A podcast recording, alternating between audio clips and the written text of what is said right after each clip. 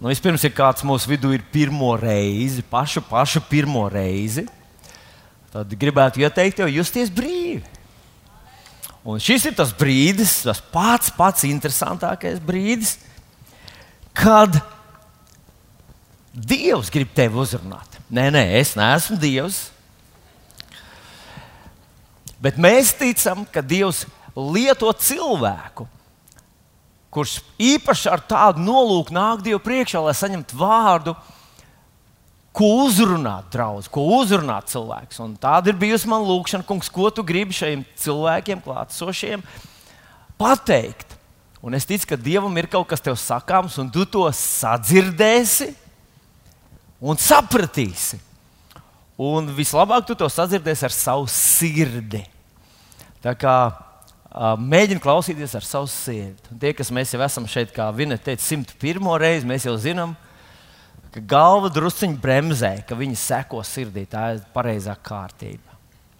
Un tad es gribu īpaši nodot sveicienus visiem rēzeknē. Es zinu, ka ir cilvēki diezgan daudz kur pasaulē, kas šo, šajā rītā ir kopā ar mums.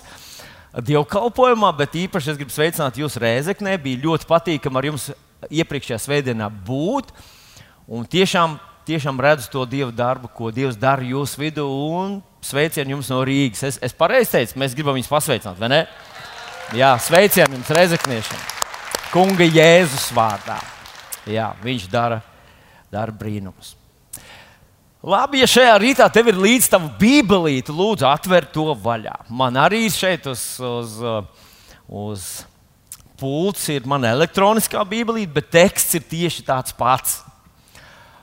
Es gan iesaku, ja, ja ja tu vēl šaubies, vai lietot papīra formātu, vai lietot elektronisko, man šķiet, ka papīra formāts ir nu, tāds, tāds taustāmāks, īstāks un, un ļoti svētīgi lietot arī tādu. Tā tad eh, divas raksturvietiņas, kuras mēs izlasīsim šorīt, un, un gribētu, lai tu uh, palasi līdzi man, jo, kā jūs redzat, mēs izlasīsim pirmā pusgada Bībeles lasīšanas plānu. Jā.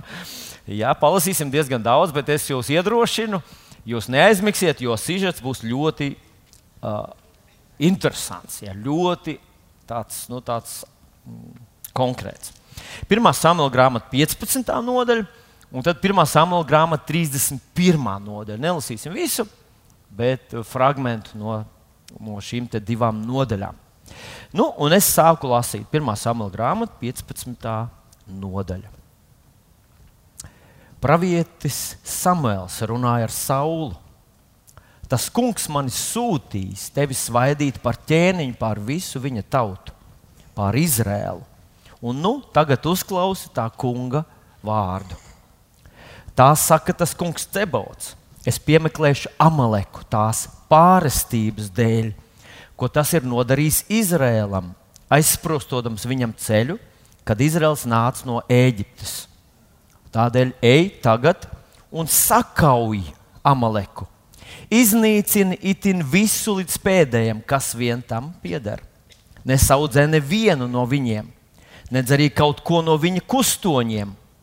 Liec, lai aiziet nāvē gan visi vīri, sievas, gan bērni un zīdaiņi, vērši un visi sīklopi, kamieļi un ēzeļi.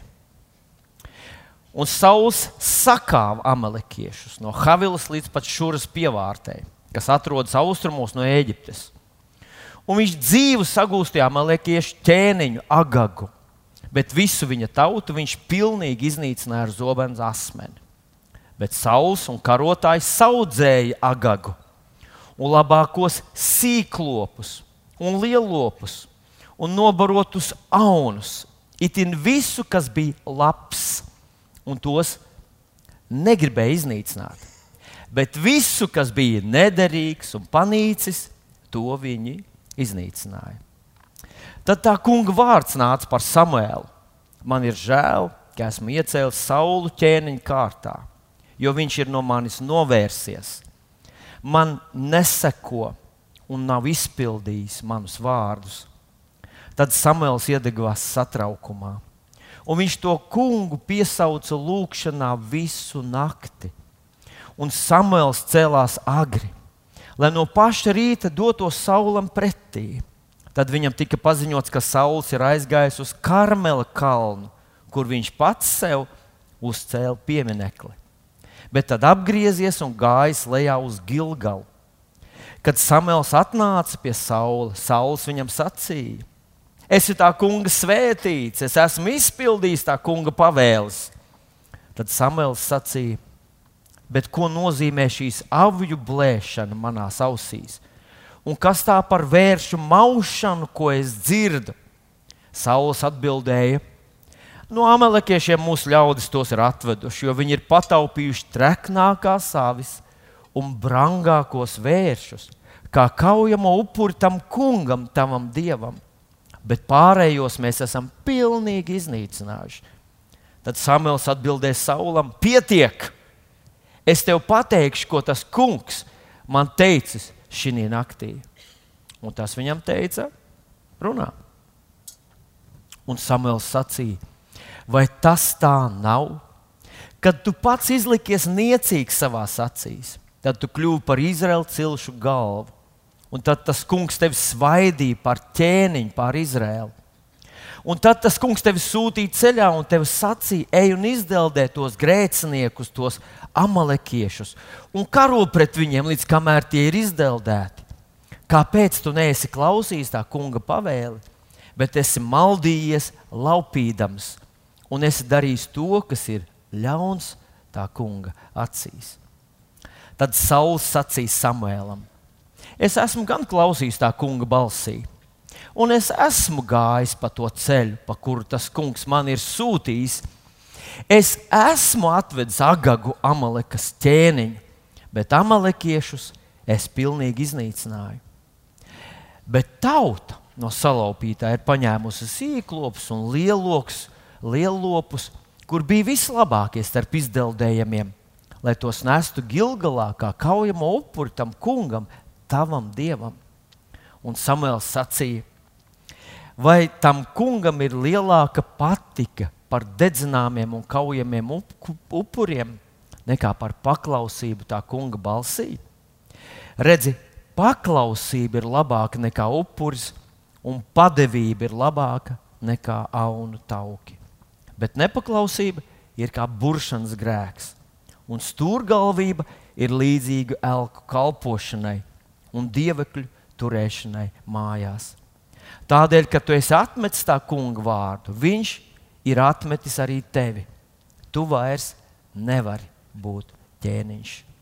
Un kad Samuēls pagriezās, lai ietu projām, tad saules stipri atvēra viņa svārku stūri, un tas noplīsa. Tad Samuēls viņam sacīja, šodien tas kungs no tevis ir noplēsis Izraēlas valsts ķēniņa varu, un to viņš devis kādam citam, kas ir labāks nekā tu. Un tad 31. nodaļa. Un filistieši karo ar Izraēlu, bet Izraēla vīri bēga no filistiešiem un nokauti krita Gilbos pakalnos.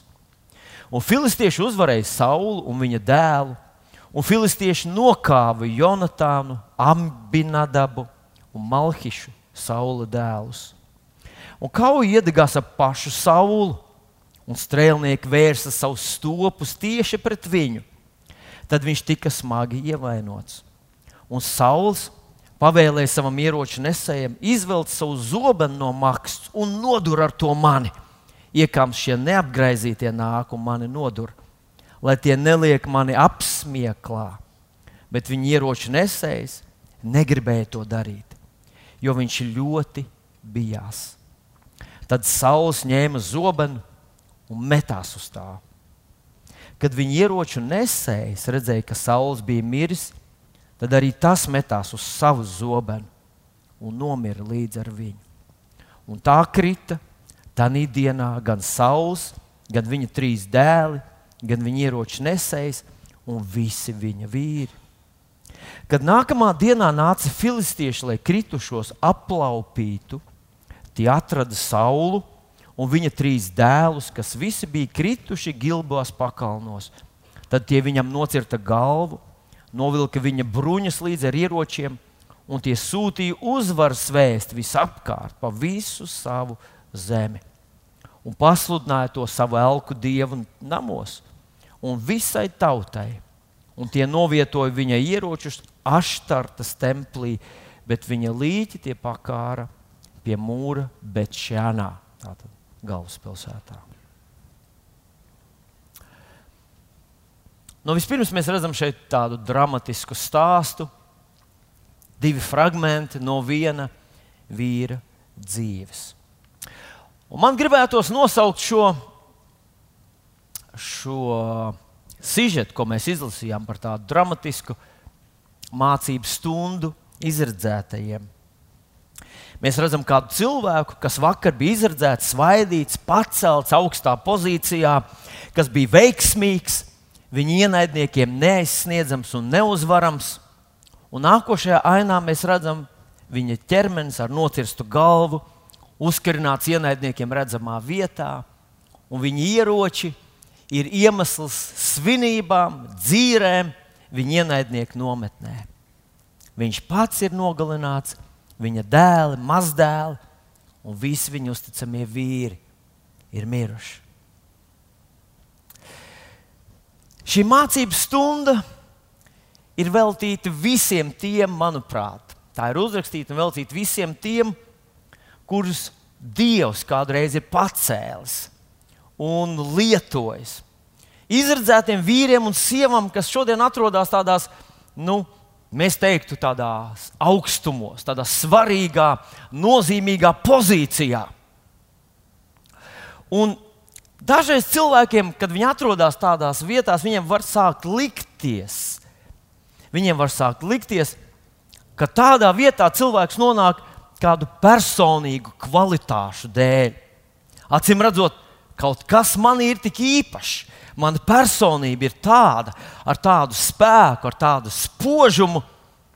Un par cik esmu nonācis šeit, šajā vietā, tad nu, tas vienīgais mans liktenis, vienīgais mans ceļš ir nu, nu, uz augšu. Nu, taču, jo, jo pēc būtības, pēc būtības, vai tad varētu būt tā, ka tāds cilvēks nu var, var krist uz leju.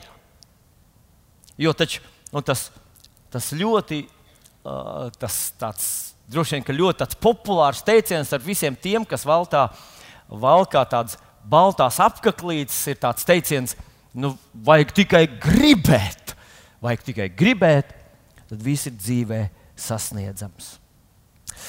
Un tas, par ko brīdina šis, šī mācības stunda, ir Um, nav par ienaidnieku, filistiešu karavadoņu mutuļojošo naidu pret šo dievu pacelto un svētīto cilvēku. Um, ne viņu zobens, ne viņu bultas nogalināja šo te, uh, vīru, kurš bija, kurš bija tik izcils. Nekad tas, ko saka citi, domā citi, tiesā tevi klusi, čuks nicinādam tevi. tevi vai skaļi izsaka savu nicinošo vērtējumu, nevar tevi nogalināt. Bet tas ir tas, ko mēs paši nodaram sev, pieņemot aplams lēmumus. Ir tas, kas mācoties no šīs stundas, kas nogalina cilvēkus, kas atradušies ir kādā tādā augstā pozīcijā un atbildīgā vietā, veiksmīgā vietā savā dzīvē. Un pirms mēs iedziļināmies šajā stāstā, uh, un šī varoņa saula kļūdās, es gribētu tādu nelielu atkāpi izdarīt. Un to atkāpi es gribētu izdarīt, runājot par to, nu, kādēļ vecajā derībā ir tādi teksti, kā šis, piemēram, kad Dievs dod uzdevumu savam ķēniņam, karalim, viņš dod uzdevumu doties uz kādu konkrētu tautu, vai kādā citā stāstā ir uz kādu konkrētu pilsētu un nogalināt pilnīgi visus.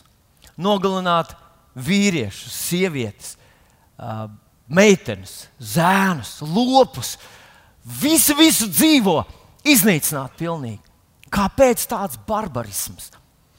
Un tur droši vien, kad uh, derētu tāds dziļāks, un ilgāks un garāks skaidrojums, bet tāda īsā versija ir, ir ļoti, manuprāt, uzskatāma. Tie bija kādi gadi atpakaļ, kad man zināms cilvēks man piezvanīja un teica, ka viņš atrodas tepat dzelzceļnieka slimnīcā uz Biķernieka ielas. Viņš teica, ka viņš ir tur un viņš gribētu, lai es pie viņa atnāku un aprunāties. Un es aizgāju pie tā cilvēka uz slimnīcu, Biķernieka ielā. Viņš stāstīja, ka viņam ilgāku laiku ir bijušas problēmas ar kājām, un īpaši ar vienu kāju, ka tā kāja ir kā, nu, sāpējusi. Un, viņš parādīja, kāja bija izmainījusi savu to, nu, krāsu. Un viņš teica, zini, Vilni, man rītā to kāju grasās amputēt. Un man, mana pirmā reakcija bija, nevar būt, nevar būt.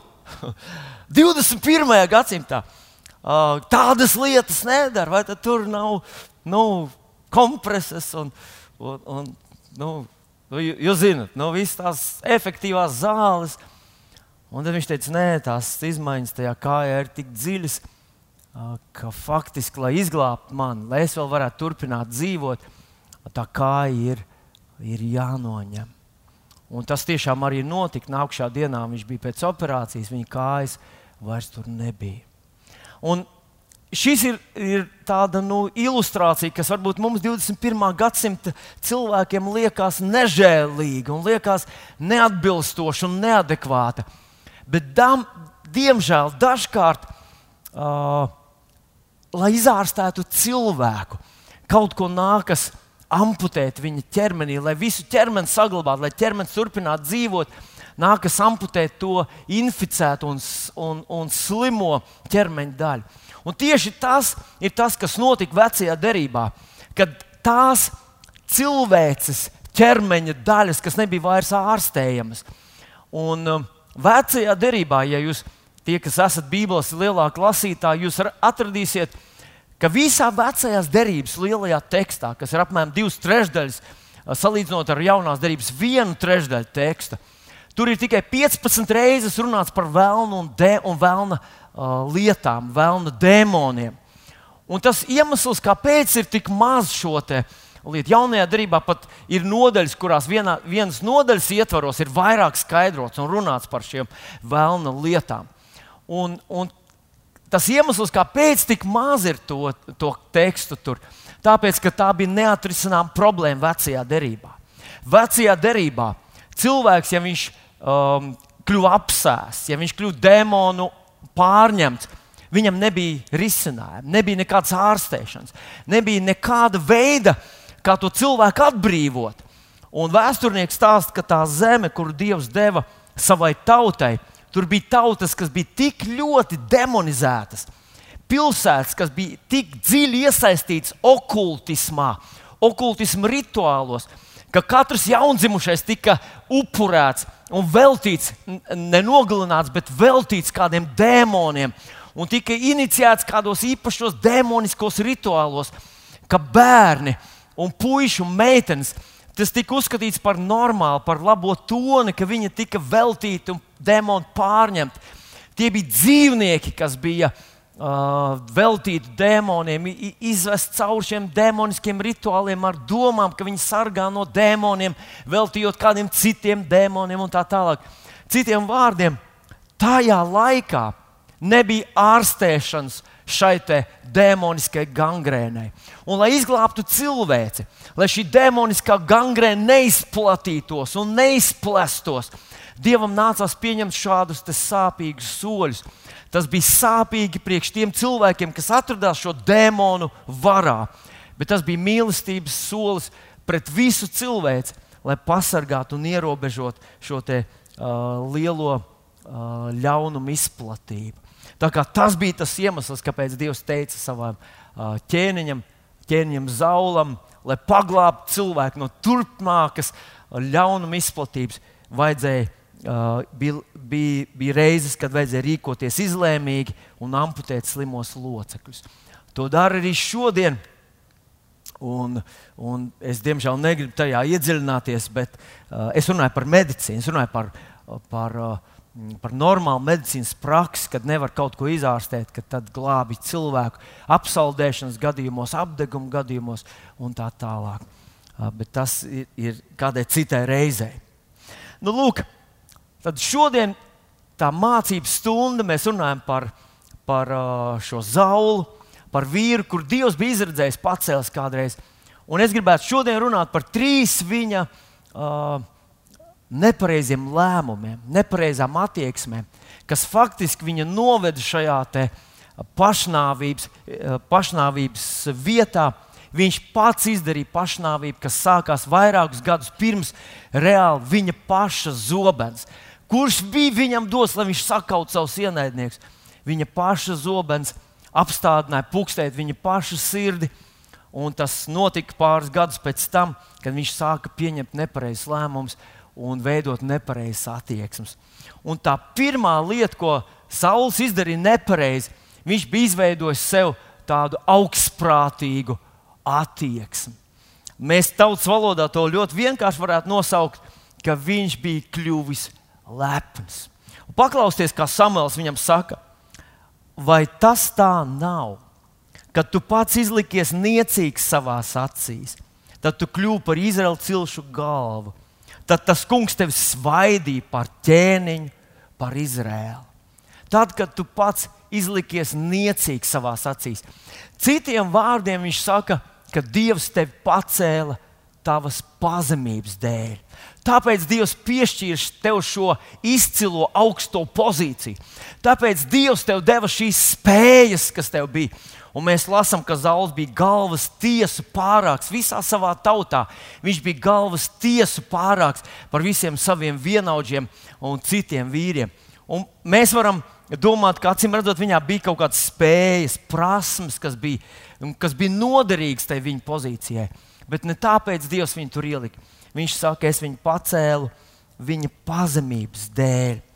Kamēr tu biji pateicīgs, un pateicība ir viena no tādām lietām, kas raksturo pazemīgu sirdi, kamēr tu biji pateicīgs, kamēr tu nepierakstīji sev visus nopelnus, kamēr tu nedomāji, ka tu esi tas, kurš, kur, uz kuru ir vis tā liela atbildība, ka tu tas esi, kas esi sevi izveidojis un sevi pacēlis, tikmēr Dievs tevi cēla, bet tad, tad Viņš eh, tevi nogāza. Uh, tad, tad tu Tu kriti no savas pozīcijas tieši tāpēc, ka tu biji kļuvis lepns.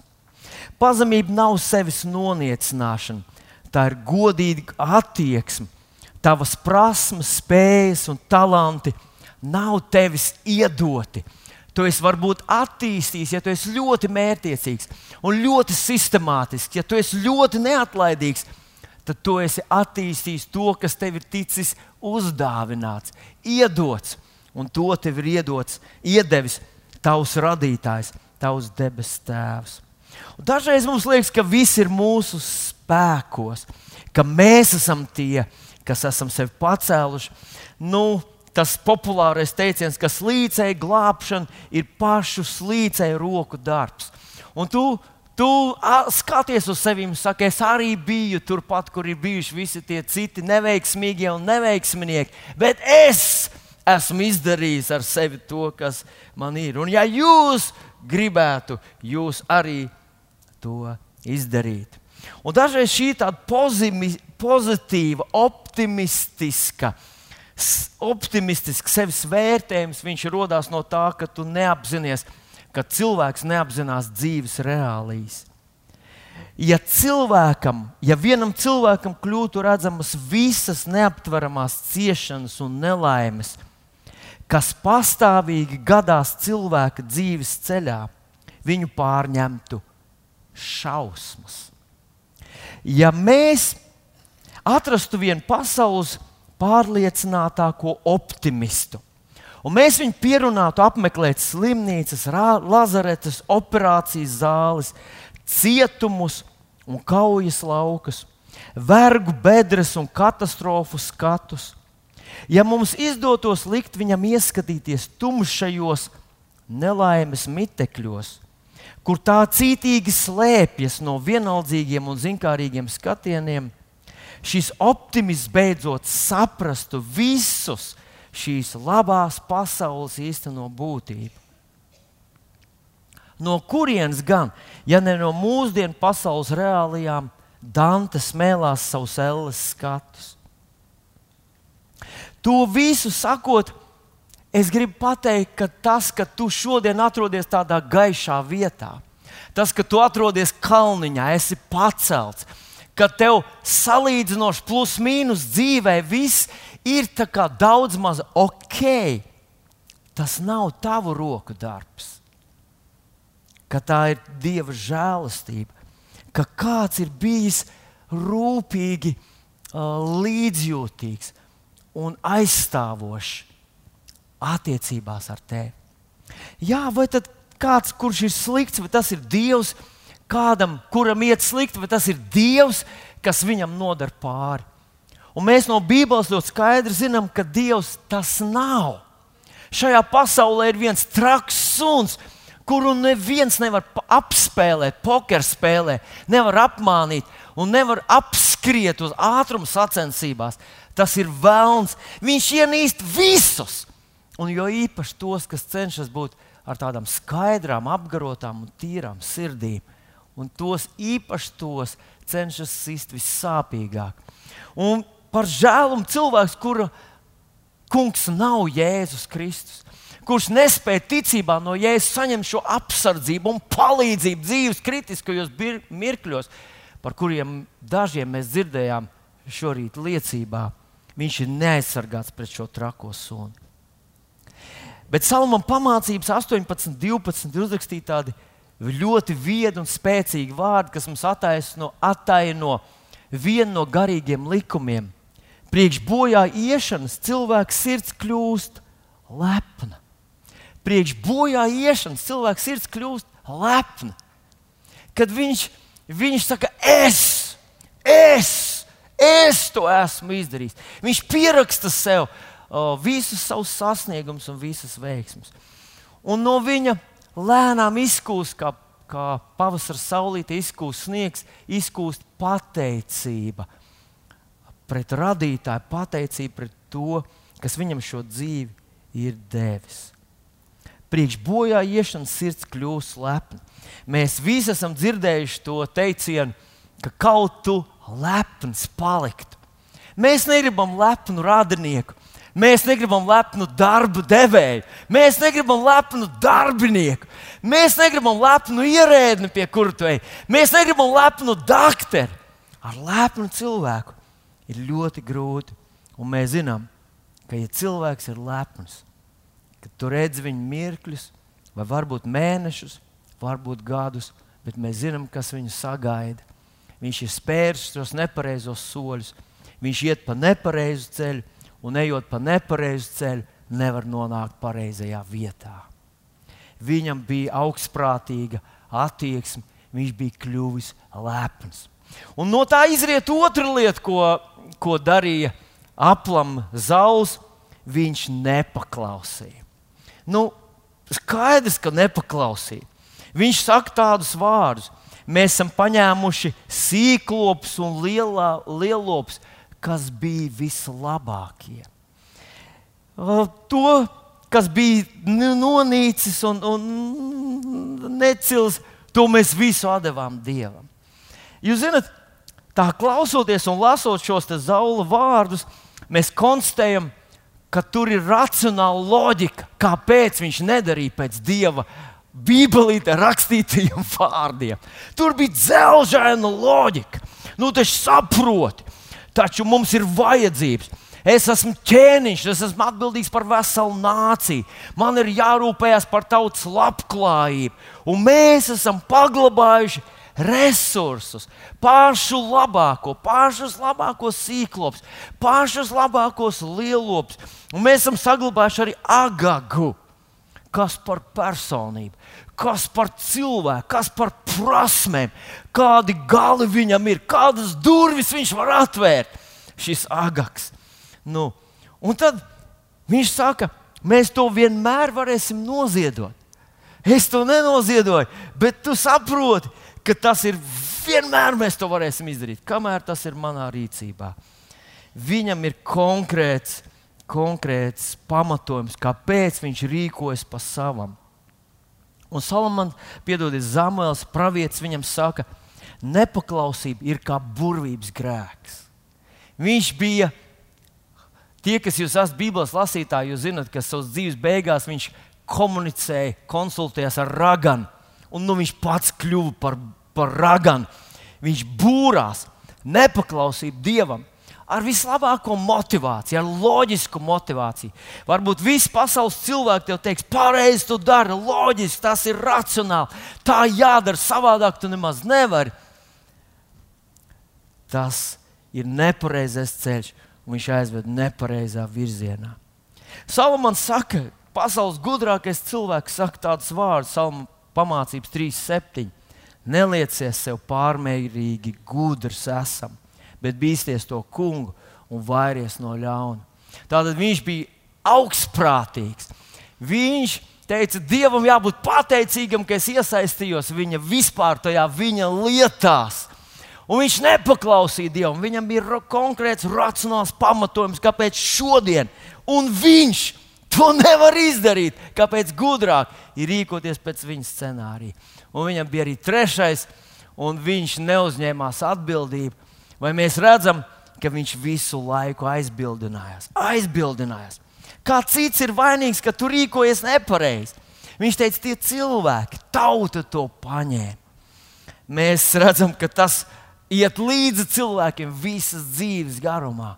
Ja cilvēks saka, ne jau es esmu vainīgs, ka rīkojos nepareizi, kā cits ir vainīgs? Jānis, Pēters, valdība, apstākļi, vieta, kur es dzīvoju, uh, nu, sieva, mani bērni, draudzē. Kāds cilvēks? Vienreiz man viens cilvēks teica, es esmu uzaugusi padomu sistēmā. Es neticu dievam, nu, tāpēc ka man no bērnības mācīja, ka dieva nav. Es viņam gribēju teikt, vai tu vēl aizvien tici, ka Leņķins ir bērnu draugs? To tev arī mācīja mm, no bērnības. Nē, bet tās lietas, protams, viņš saprot, ka tas bija meli. Bet, kad runa ir par Dievu, tad viņš, viņam ir aizbildinājums. Vienreiz bija mūsu vidū viens zviedru sludinātājs, un viņš teica, aizbildinājumi ir kā paduses. Mums visiem tādi ir, un tā nav svaigākā vieta mūsu ķermenī, ko mēs gribam kādam rādīt. Tātad zauls aizbildinājās. Un kāds teica, es neesmu savā dzīvē neko daudz sasniedzis, jo man vecāki no bērnības man neteica, ka viņi man mīl. Kāds teica, ka viņš nav draugs, jo saticis vienu liekulu kristieti. Neviens nav teicis, ka es satiku vienu liekulu ateistu. Es tāpēc turos pie Dieva.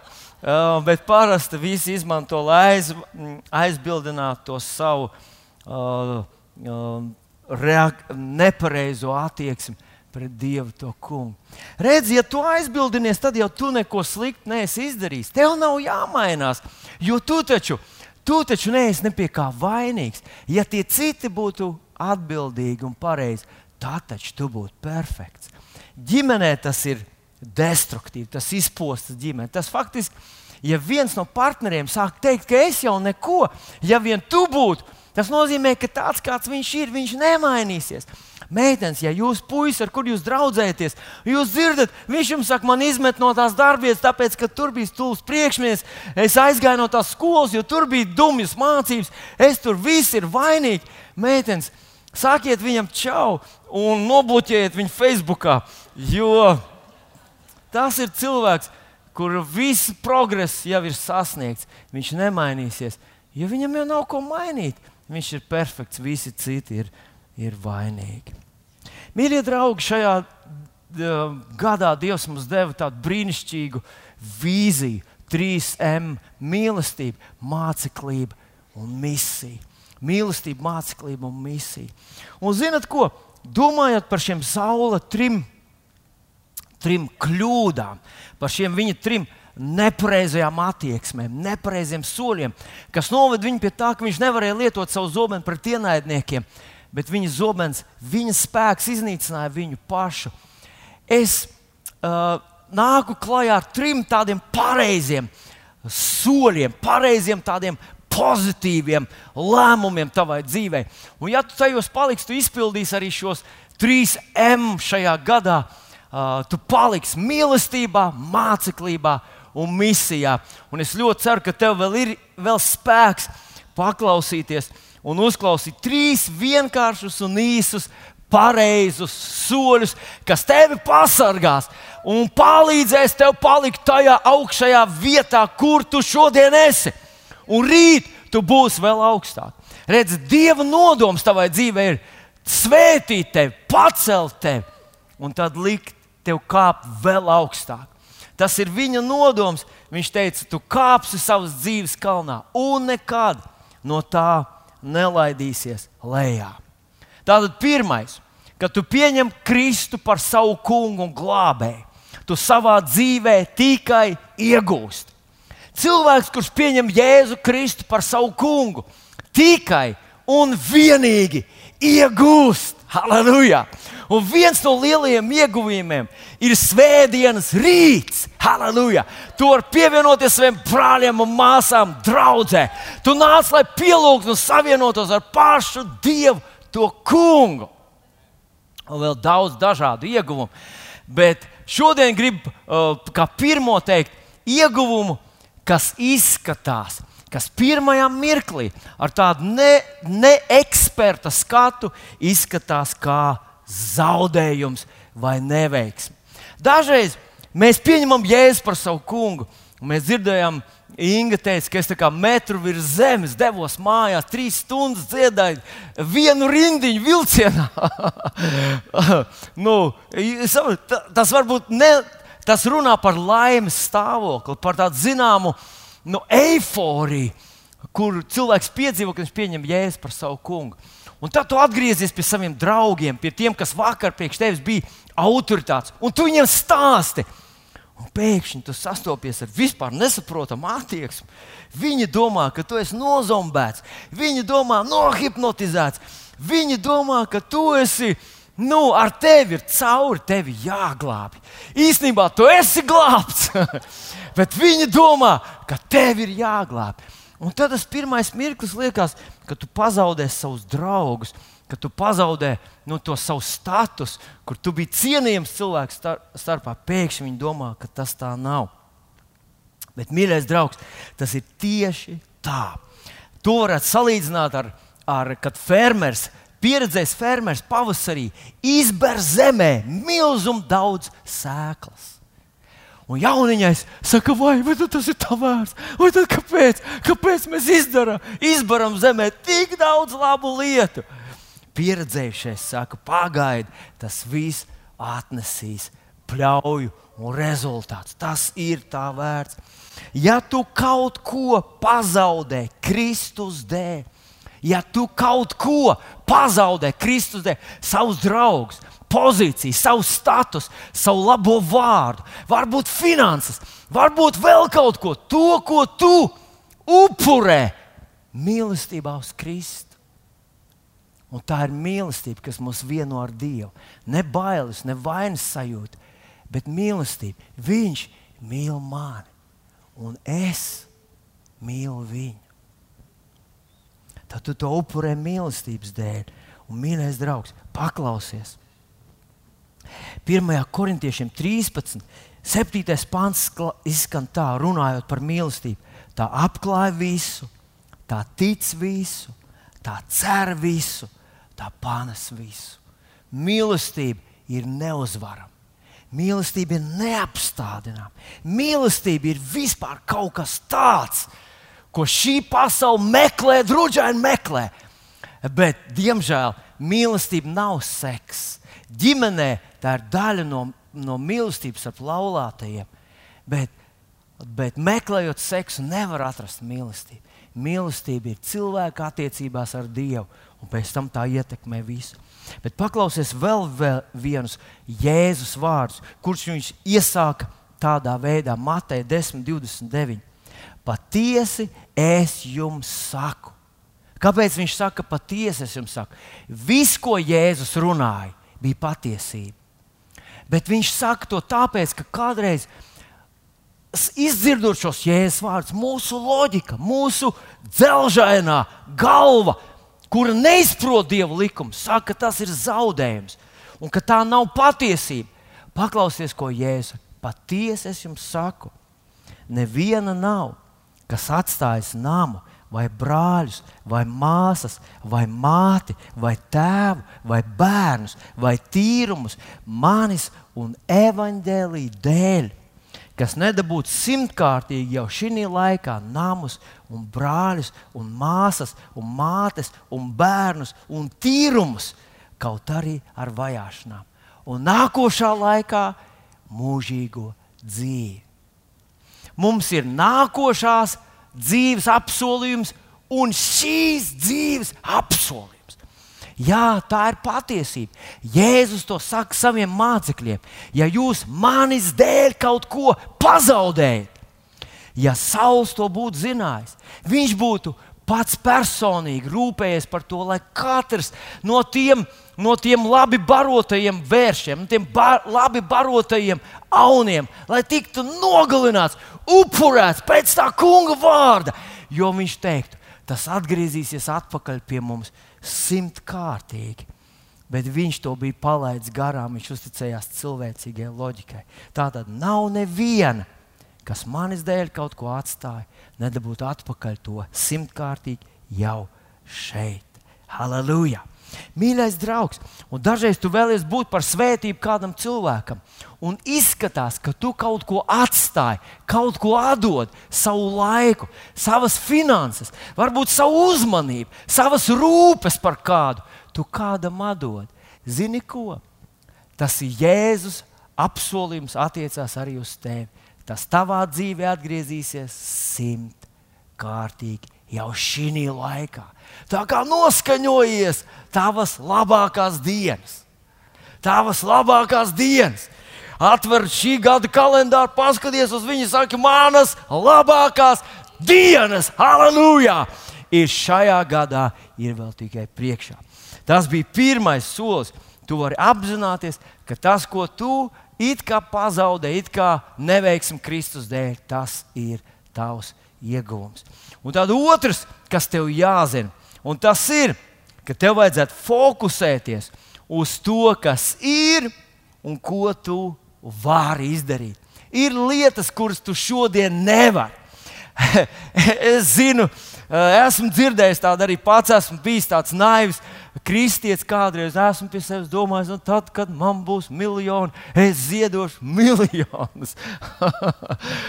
Jā, tas tā kā, ja tu nevari uzrakstīt grāmatu, nav vērts teikt mammu un tēti. Bet mēs zinām, ka mamma un tēti grāmata sākās ar to, ka pirmais, ko tu iemācies teikt, mamma un tēti. Visas lielās lietas Arī Dieva priekšā lielās lietas sākās ar uzticību mazajās lietās. Un, ja tu koncentrējies uz to, kas tev ir un ko tu vari, tu to sasniegsi. Mums ir lielisks piemērs.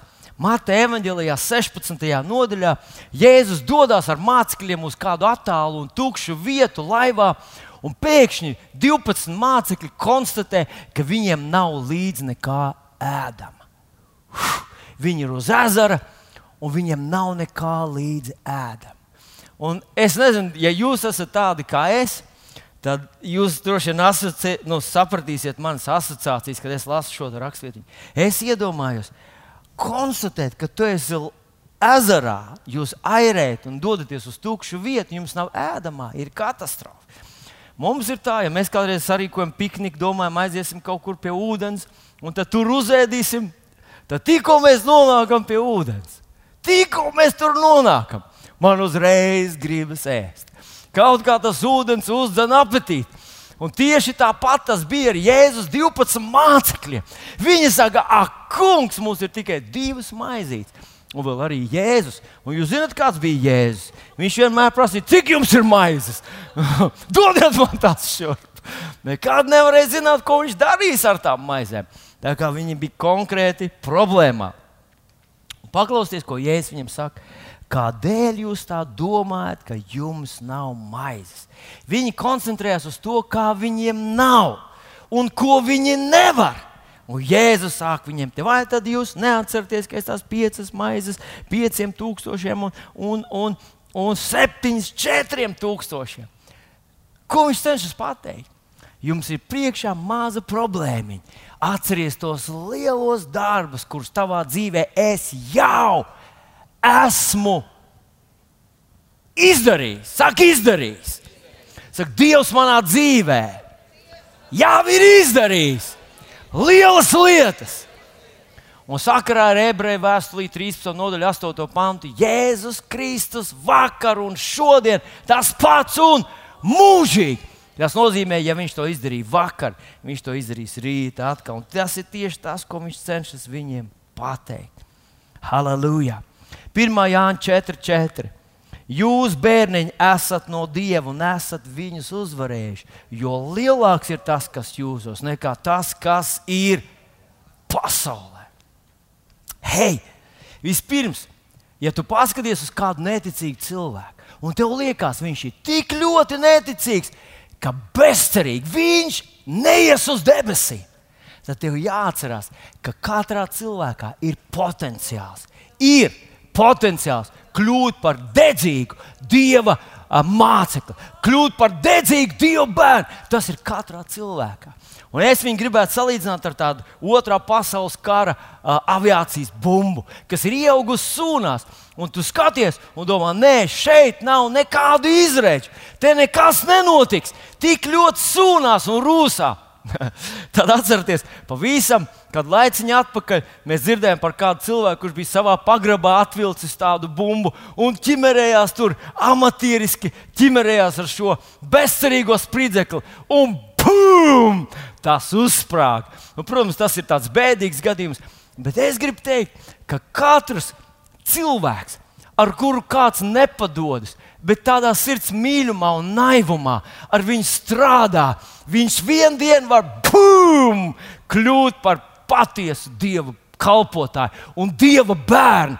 Jo tieši tas ir tas, kas katrā cilvēkā ir. Un gribu, lai tu pats uz sevi koncentrējies, uz potenciālu, kas tev ir. Tu vari, tu spēj, jo tevī ir Dieva gēns.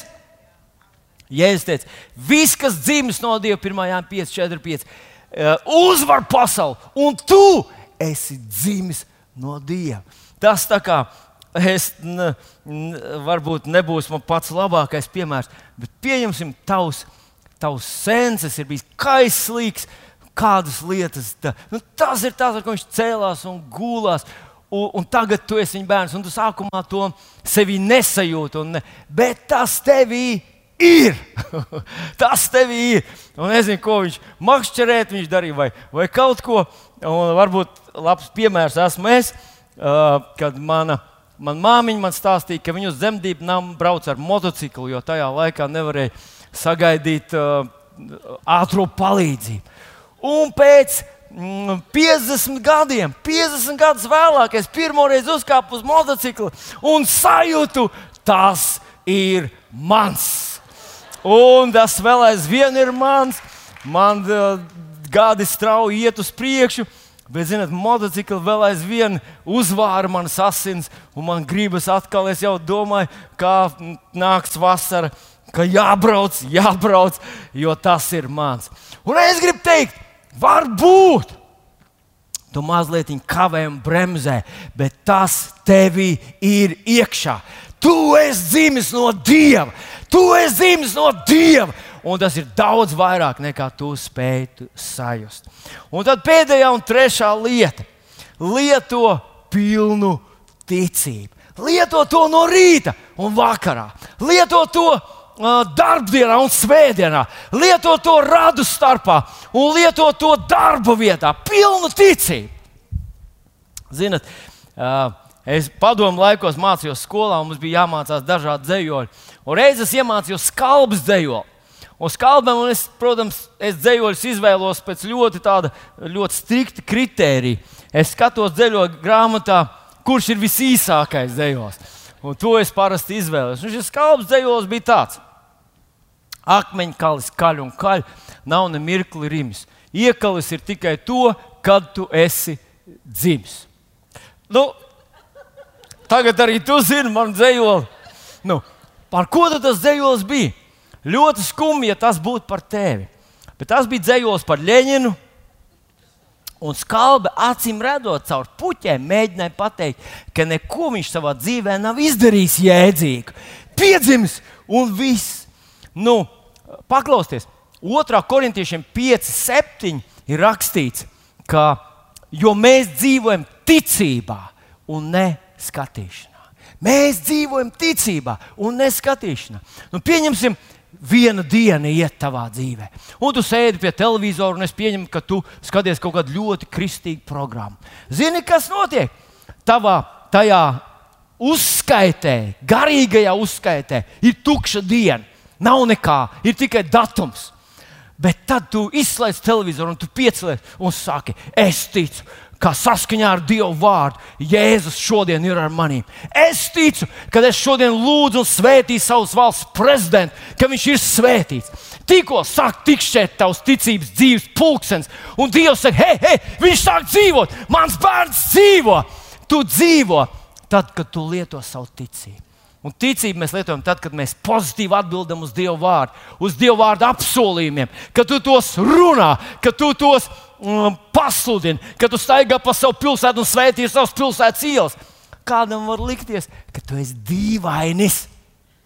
Bet tikai tādam, kurš pats nedzīvo ticības dzīvi. Un tad tu uh, uh, nu, nu, ej pa pilsētu un redz, kāds, kurš tur iet kaut ko un runā. Nu, Varbūt, ka ir, ir arī dīvaini cilvēki tādi, kas iet un kaut ko tur, kaut ko tur nu, īpaši, ja tie lādi, tie ir dīvaini cilvēki. Bet Nu, varbūt nevajag to roku vicināt, pietiek, ka to pa te telefonu pielies.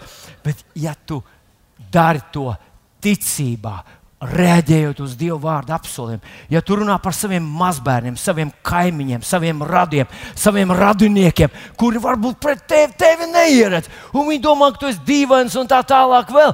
Tu viņiem saki tikai ticības vārds. Nav obligāti jā, jā, jāsaka, ka tu būsi mūsu draugs un dos desmito. Nu, ar to nevajag sākt. Vajag vienkārši teikt, es zinu, ka tu vienā dienā sapratīsi, ka tavs radītājs tevi mīl, Dievs tevi mīl, Dievs tev palīdz. Viņš vada tevi savā dzīvē, Viņš sargā tevi. Viņš ir sūtījis tev personīgo liecinieku, manā izskatā. Es tev saku, ļauj man te apkampt. Dievs, tas kungs, tev sūta šo apkampienu. Tu zini, ko? Debesu izpratnē tu dzīvo. Bet paklausieties, ko Jēzus saka. Jēzus saka šo, šeit tādus vārdus.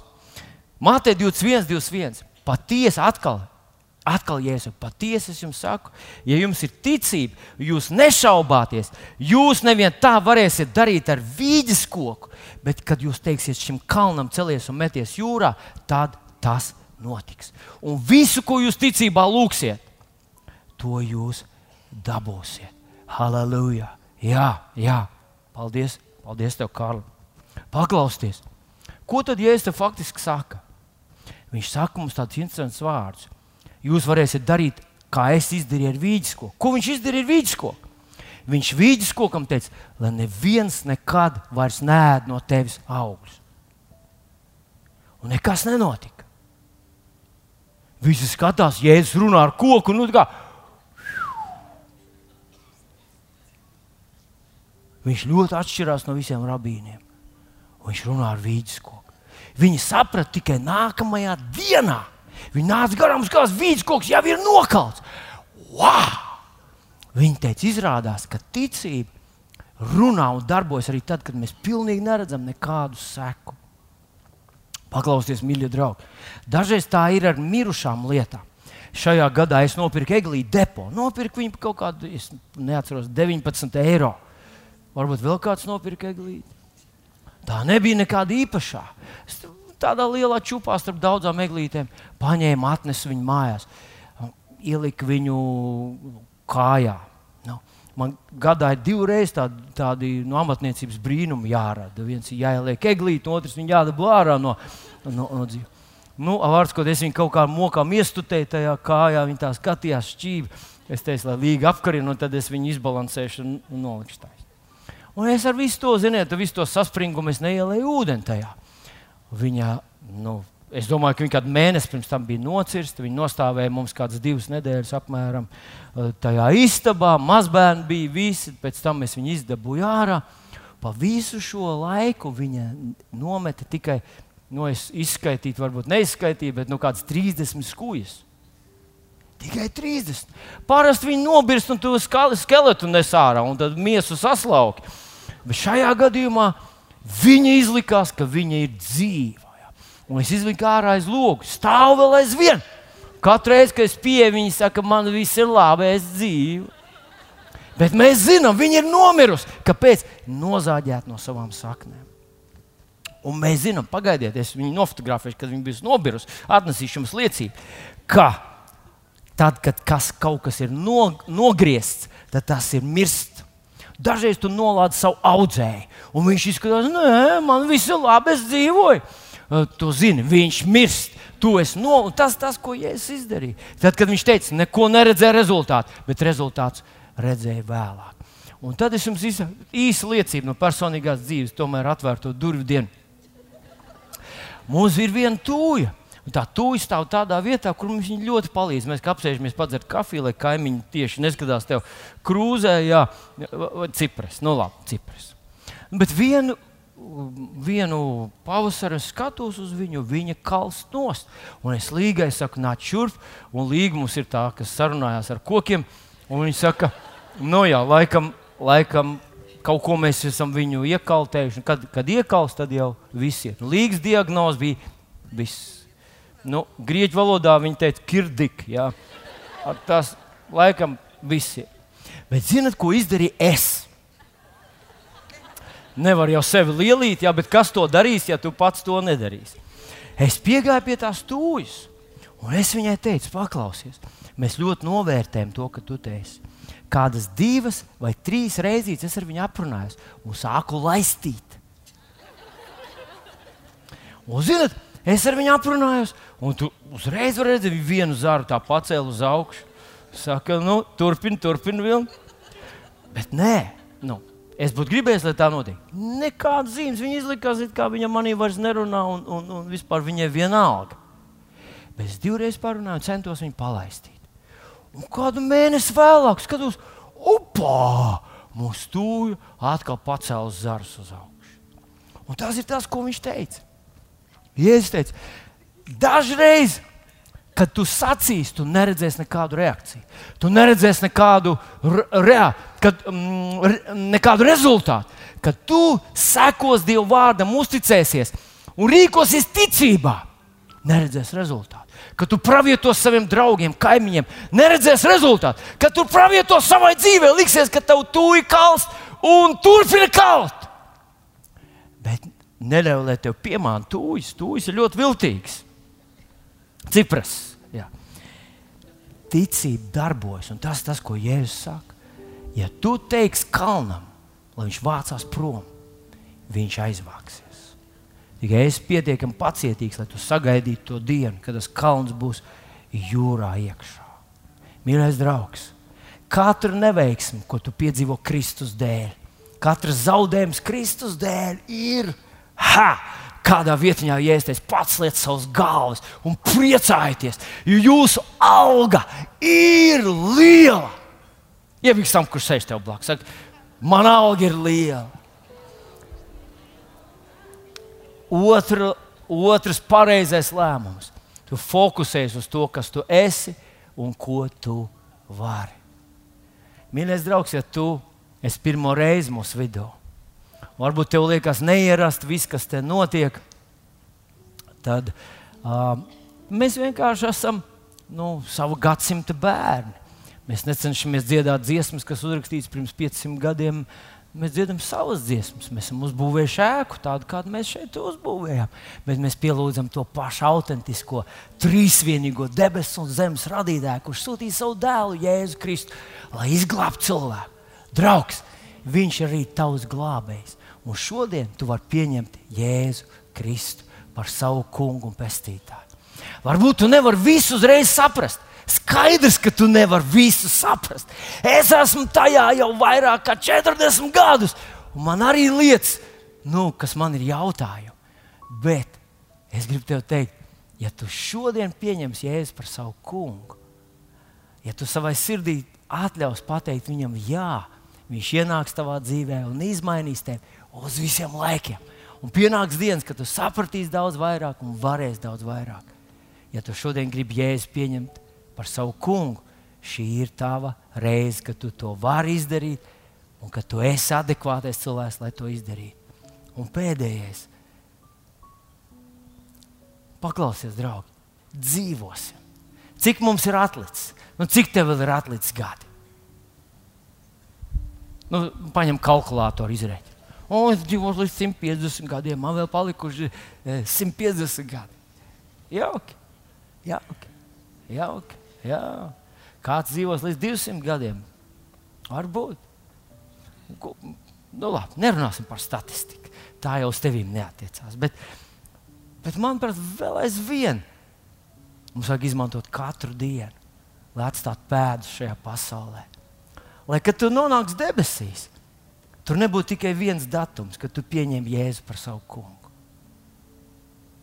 Un tad būs daudz datumu, kad viņš tev uzrunā. Nu, taču, nu, taču, nu, taču sāc, nu, taču, nu, taču neatliec, nu, taču tagad. Tagad ir labais laiks, kad sāk dzīvot ticību, kad sāk kalpot, pielikt savu roku kaut kur pie kalpošanas, kaut kur iesaistīties uh, Dieva darbā, Dieva lietās. Tas tevi svētīs. Darām Aleluja. Es aicināšu jūs piecelties kājās. Debes Tēvs, mēs Tev pateicamies, ka mēs šajā rītā esam tie cilvēki, kas varējām dzirdēt šo mācību stundu no, no citas dzīves, no citas piemēra. Mēs Tev pateicamies, Debes Tēvs, ka Tu esi labs Dievs, ka Tu mīli cilvēkus un ka Katru no mums tu gribi vest mūsu dzīves kalnā. Tu vēlies mūs svētīt, tu vēlies mums palīdzēt, tu vēlies, lai mūsu ienaidnieks sit, lai mūsu zobens sit ienaidnieku. Nevis lai mēs paši sevi iznīcinām. Mēs par to pateicamies. Un mēs pateicamies, Kungs, ka mēs šodien varam novērtēt visu to, ko esam varējuši te vadot, un varējuši pie, piedzīvot visas tās uzvaras un ieguvumus.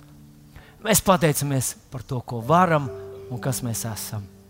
Un mēs pateicamies, ka varam ticībā runāt par savu zemi, ka mūsu zeme ir svētīta, mūsu tauta atgriežas. Mūsu zemē darbojas evanģēlīja vārds. Mūsu zemē cilvēki mainās. Mēs ticam, ka šī zeme ir svētīta, un tas arvien vairāk kļūs redzams. Paldies, Tev, debes Tēvs! Aleluja! Uzliek savu rociņu sev uz sirds. Un saka, debes Tēvs, paldies Tev, ka esmu iegūmis līdzi ar Jēzu. Tik daudz.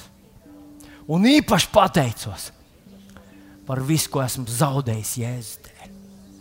Visas tās važas, atkarības, bailes, lāstus, kas ir aizgājuši no manas dzīves. Jo Jēzus ienāca manā dzīvēm Paldies Tev par to. Paldies Tev par to, kas es esmu. Esmu dzimis no Dieva. Un es uzvaru pasauli. Un tā uzvara ir mana ticība. Mēsijam un glābējam, Jēzum, Dieva dēlam, kā manam kungam. Paldies Tev par to!